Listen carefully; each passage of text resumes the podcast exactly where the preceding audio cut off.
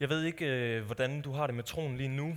Jeg ved ikke, om du har kæmpet med troen igennem længere tid. Jeg ved ikke, om du overhovedet ikke gør det, om alt bare går fint.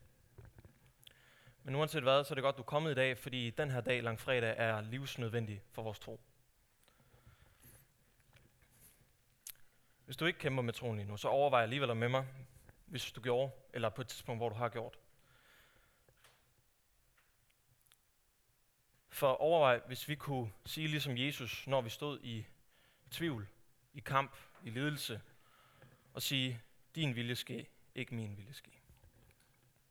Da min familie, det bliver lidt personligt nu, men da min familie gik igennem min forældres skilsmisse, så, øh, så var det ret hårdt, og jeg stoppede op mange gange og sagde, Gud, hvorfor tillader du det her i mit liv?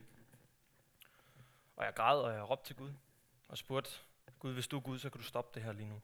Så kan du tage den her forhindring, det her problem ud af mit liv. Og jeg kan huske, at jeg tænkte, at jeg var stadig, og det er jeg stadig væk. Det kan min familie skrive under på. Øhm, og så tænkte jeg, at jeg var god til det med ord i første G. At jeg kunne selvfølgelig male og så videre og gøre det hele godt. Men jeg var bare en første G'er.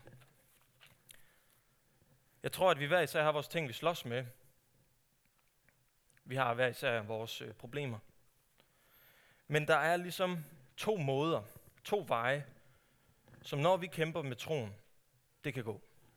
Vi kan sige, Gud, jeg kan ikke tro dig for det, jeg går igennem lige nu. Gud, jeg kan ikke stole på dig, fordi du tillader, at det her er i mit liv. Jeg kan ikke forene den tanke om, at du er god, du ved alt og du kan alt, med at det her foregår i mit liv lige nu og her. Og så kan jeg blive bitter over mine omstændigheder. Men jeg kan også vælge at sige, Gud, jeg stoler på dig. Gud, jeg ved ikke, hvorfor det her sker i mit liv. Gud, jeg ved ikke, hvorfor jeg skal gå igennem det her. Jeg ved ikke, hvorfor at du tillader det her. Men Gud, jeg tror på, og hvis jeg ikke kan tro det, så kan jeg det mindste håbe på, at du er med mig.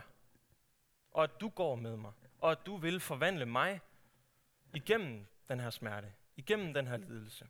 Igennem de her problemer. Og så kan vi håbe på, at Jesus han er den, der vil bære os og bære vores tro igennem smerten. Jesus sagde på et tidspunkt tidligere i evangeliet, hvis nogen vil følge efter mig, skal han fornægte sig selv og tage sit kors op og følge mig. Vi skal tage vores eget kors op. Det kors, som Jesus har givet os. Det kors, den lidelse, som vi har fået. Og så kan jeg følge efter ham i det spor, som han har gået foran. Fordi han gik med korset foran. Og så kan jeg prøve at lade ham tage styringen. Og lade ham holde min nak oppe, så jeg ikke knækker, så min tro ikke går i stykker. Og jeg ved ikke, om jeg direkte valgte løsning nummer to her, som jeg lige har præsenteret med at stole på Gud. Men Gud, han holdt mig op. Og jeg ved ikke, om du har været igennem noget svært, eller går igennem noget svært lige nu, eller om der vil komme noget i, her i 2023. Men når det kommer, når vi står midt i smerten, så har vi brug for noget større end os selv. Så har vi brug for, at der er en, der går med, der er en, der forvandler os igennem lidelsen. Når vi skal bære vores kors, så har vi brug for Gud.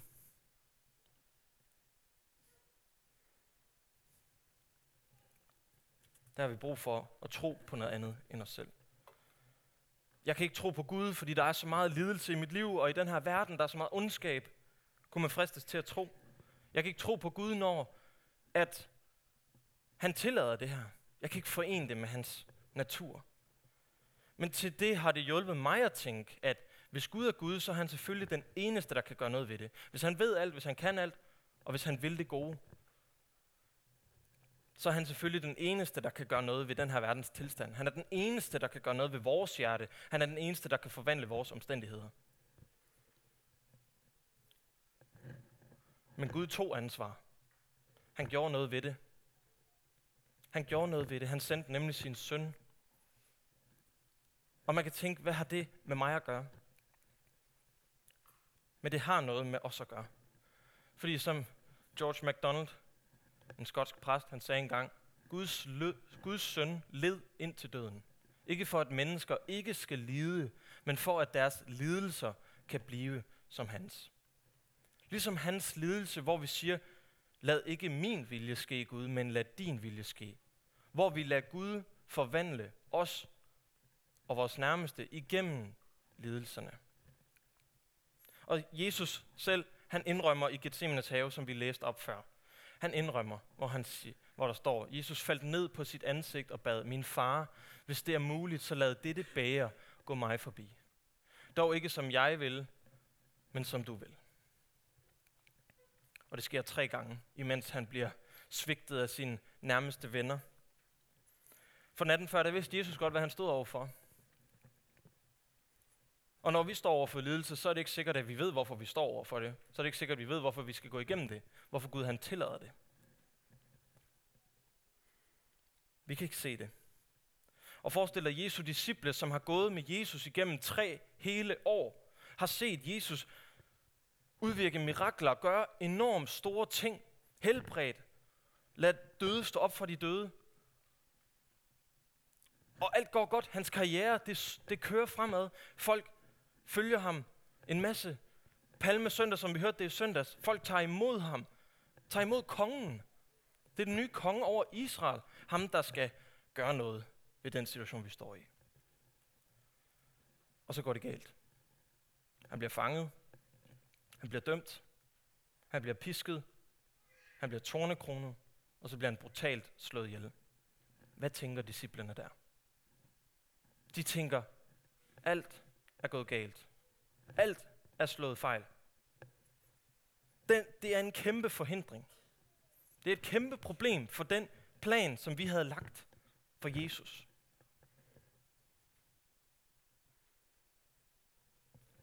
Og igennem evangelierne er der det her mærkelige, den her mærkelige ting, hvor at Jesus han helbreder. Jesus han gør en masse vilde ting, kaster dæmoner ud af mennesker. Og så siger han til folk, som han har helbredt, I må ikke sige det til nogen. I må ikke sige, hvem der har gjort det. I må ikke sige det endnu. Og der kan man spørge, hvorfor? Hvorfor vil Jesus gerne holde det hemmeligt? Man kalder det her Messias-hemmeligheden. Og jeg tror det er fordi, at Jesus han vil have, at vi skulle se ham og hele hans gerning og alt, hvad han lærte os, som den korsfæstede og tornekronede konge. Han vil have, at vi skal forstå ham som ham, der gik i døden for os.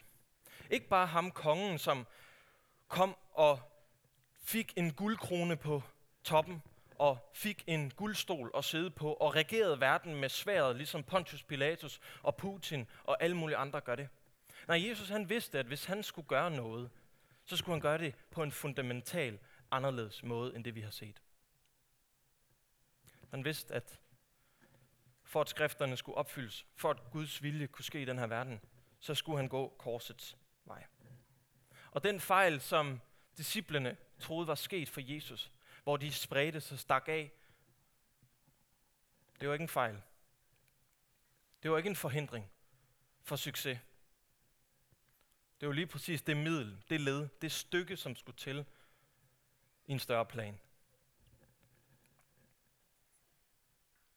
Jesus han var ikke en konge, der piskede, der undertrykte og slog ihjel på vej til toppen. Jesus var en mand, der blev pisket, undertrykt og blev slået ihjel. Og Gud forvandlede hans lidelse og død.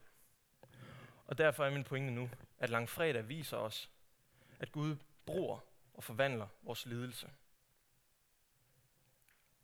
til noget større. Og der kommer noget, der lyder lidt af en floskel nu, Gud han ønsker ikke først og fremmest at fri os fra vores problemer endnu. Det kan være, det kommer i livet, det kan være, det kommer i det næste liv. Men det er ikke en floskel, fordi Gud han har lovet, at han vil være midt i lidelsen med os. Og Jesus viser sig som den, der gik lidelsens vej. Og det er ikke en floskel, fordi vi har Guds ord på det. Det er ikke bare lommefilosofi, der skal få os til at feel good og komme videre. Og acceptere, at det er sådan tilstanden er. Nej, fordi vi har Guds ord på det. For som Paulus han siger, vi ved, at alt virker sammen til gode for dem, der elsker Gud, og som efter hans beslutning er kaldet. Hvad er der mere at sige? Er Gud for os? Hvem kan da være imod os? Gud er ham, som ikke sparede sin egen søn, men gav ham hen for os. Vil han ikke med Jesus give os alt? Og det kan godt være, at det ikke er i det her liv. Men han har lovet, at han går med os og forvandler os igennem lidelsen. Og jeg ved ikke, om du kan se det, når du står i lidelse, når du står i problemer. Men vi har Guds ord på det. Vi har Guds løfte for det. For i lidelsen sejrer vi, og i døden står vi op med ham. Og det kan være svært at forstå, hvorfor Jesus han skulle dø, hvorfor i alverden tager Guds synd så seriøst, at han skal sende sin eneste søn. Hvorfor går Gud så meget op i synd? Kunne vi ikke sige, Gud, du er en regelrytter, du er sippet, du er et, et princip, et upersonligt princip om retfærdighed. Men nej, det er han ikke. Hvad er det, vi ser, når vi tænder for tv'et? Hvad er det, vi ser, når vi lytter til de sociale medier? Vi hører desperation, vi hører lidelse, og vi hører uretfærdighed, vi hører krig, vi hører ondskab. Og det er ikke bare ude i verden, fordi det stammer et sted fra. Det stammer fra vores hjerte. Det er i os alle sammen. Det er ikke bare derude. Det er i os alle sammen. Forestil dig, at du har børn. Hvis du ikke har børn, så forestil dig, at du har familie. Det har, vi, det har de fleste. Forestil dig, at din familie eller dine børn er onde imod hinanden. De ødelægger hinanden. De undertrykker hinanden. De misbruger hinanden. De sætter sig selv højere. Hvad gør du, når du opdager det? Så bliver du vred. Hvorfor bliver du vred? Du bliver vred, fordi du elsker. Det er kærlighed. Kærlighed vil sætte en stopper for det uretfærdige, der sker. Kærlighed er ikke bare en slags venlighed, der siger, pas dig selv. Der er ligeglad. Der bare siger, find selv ud af det. Nej, kærlighed går ind i det. Og vil stoppe den ondskab, som vi ser.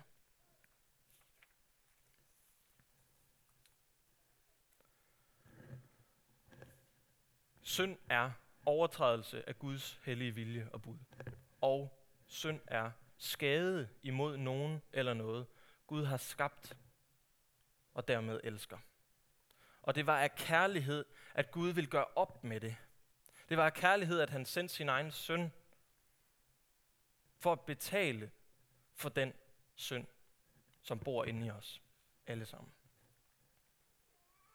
Og et, og et fantastisk vidnesbyrd om, at der skete noget, da Jesus han døde, på at Gud tog imod det offer.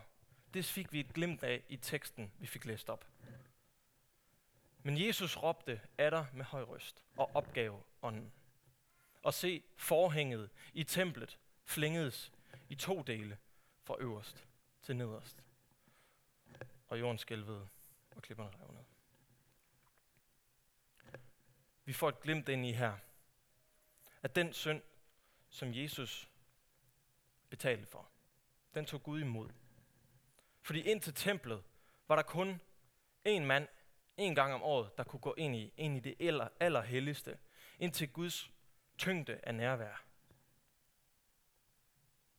Og nu blev det åbnet for enhver, fra øverst til nederst. Og Paulus siger, ham, der ikke kendte til synd, har Gud gjort til synd for os, for at vi kunne blive Guds retfærdighed i ham. Og der står lidt før der, og han døde for, at de, der lever, ikke længere skal leve for sig selv, men for ham, der døde og opstod for dem. Vi må ikke blive for hurtigt færdige med langfredag. Det må vi ikke.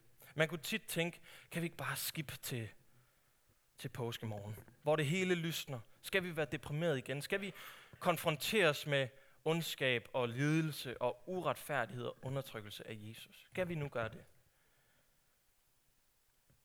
Men vi må ikke blive for hurtigt færdige, fordi, som C.S. Lewis har sagt en gang, kristendommen opfordrer mennesker til at angre og omvende sig, og stiller dem Guds tilgivelse i udsigt. Derfor har kristendommen intet at sige det menneske, der ikke ved, at det har noget at angre, og ikke føler, at det har brug for tilgivelse. Kristendommen giver simpelthen ikke mening, hvis vi ikke forstår, at der er noget inderst inde galt med os, og vi har brug for en frelser. Så giver kristendommen og Jesus ingen mening. Kristendommen giver en forklaring på menneskets situation i verden. Hvorfor er det gået galt? Hvorfor ser vi den ondskab? Hvorfor er der noget galt med mig inderst inde? Men hvis kristendommen bare stoppede der og sagde, her er din forklaring, så var der ikke noget håb. Hvad skulle der ske? Hvad skulle vi gøre? Skal vi frelse os selv? Skal vi gøre noget selv? Men kristendommen giver ikke bare en forklaring på, hvad det er, der er galt. Kristendommen giver os en fortrøstningsfuld løsning. En fortrøstningsfuld historie og nyhed om, at Jesus, han betalte for den ondskab, som bor inde i os. Og som vi ser. Det er det lys, kristendommen giver mening.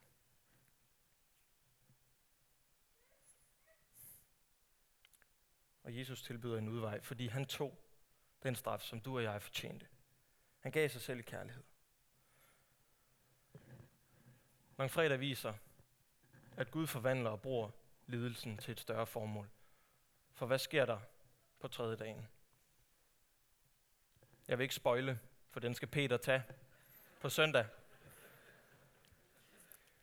Og det kan jeg godt. Han besejrer døden. Og det er vores håb. At han vil gå med. Og det kan godt være, at vi ikke kan se, hvilket formål den her lidelse, vi går igennem til tider, skal tjene til. Det kan godt være, at vi ikke engang tør håbe på, hvad det kan gøre for os. Men vi kan lade os åbne os for Gud og sige, jeg tager imod din, dit nærvær. Fordi hvor der er allermørkest, der skinner det lille lys allerklarest. Du og jeg har brug for en frelser. Og derfor skal vi fornægte os selv og tage imod Jesus. For som Romerbrevet siger, alle har syndet og har mistet herligheden fra Gud. Vi har brug for en frelser. Og vi har brug for at tage vores kors op og gå på den vej, som Jesus han foran os.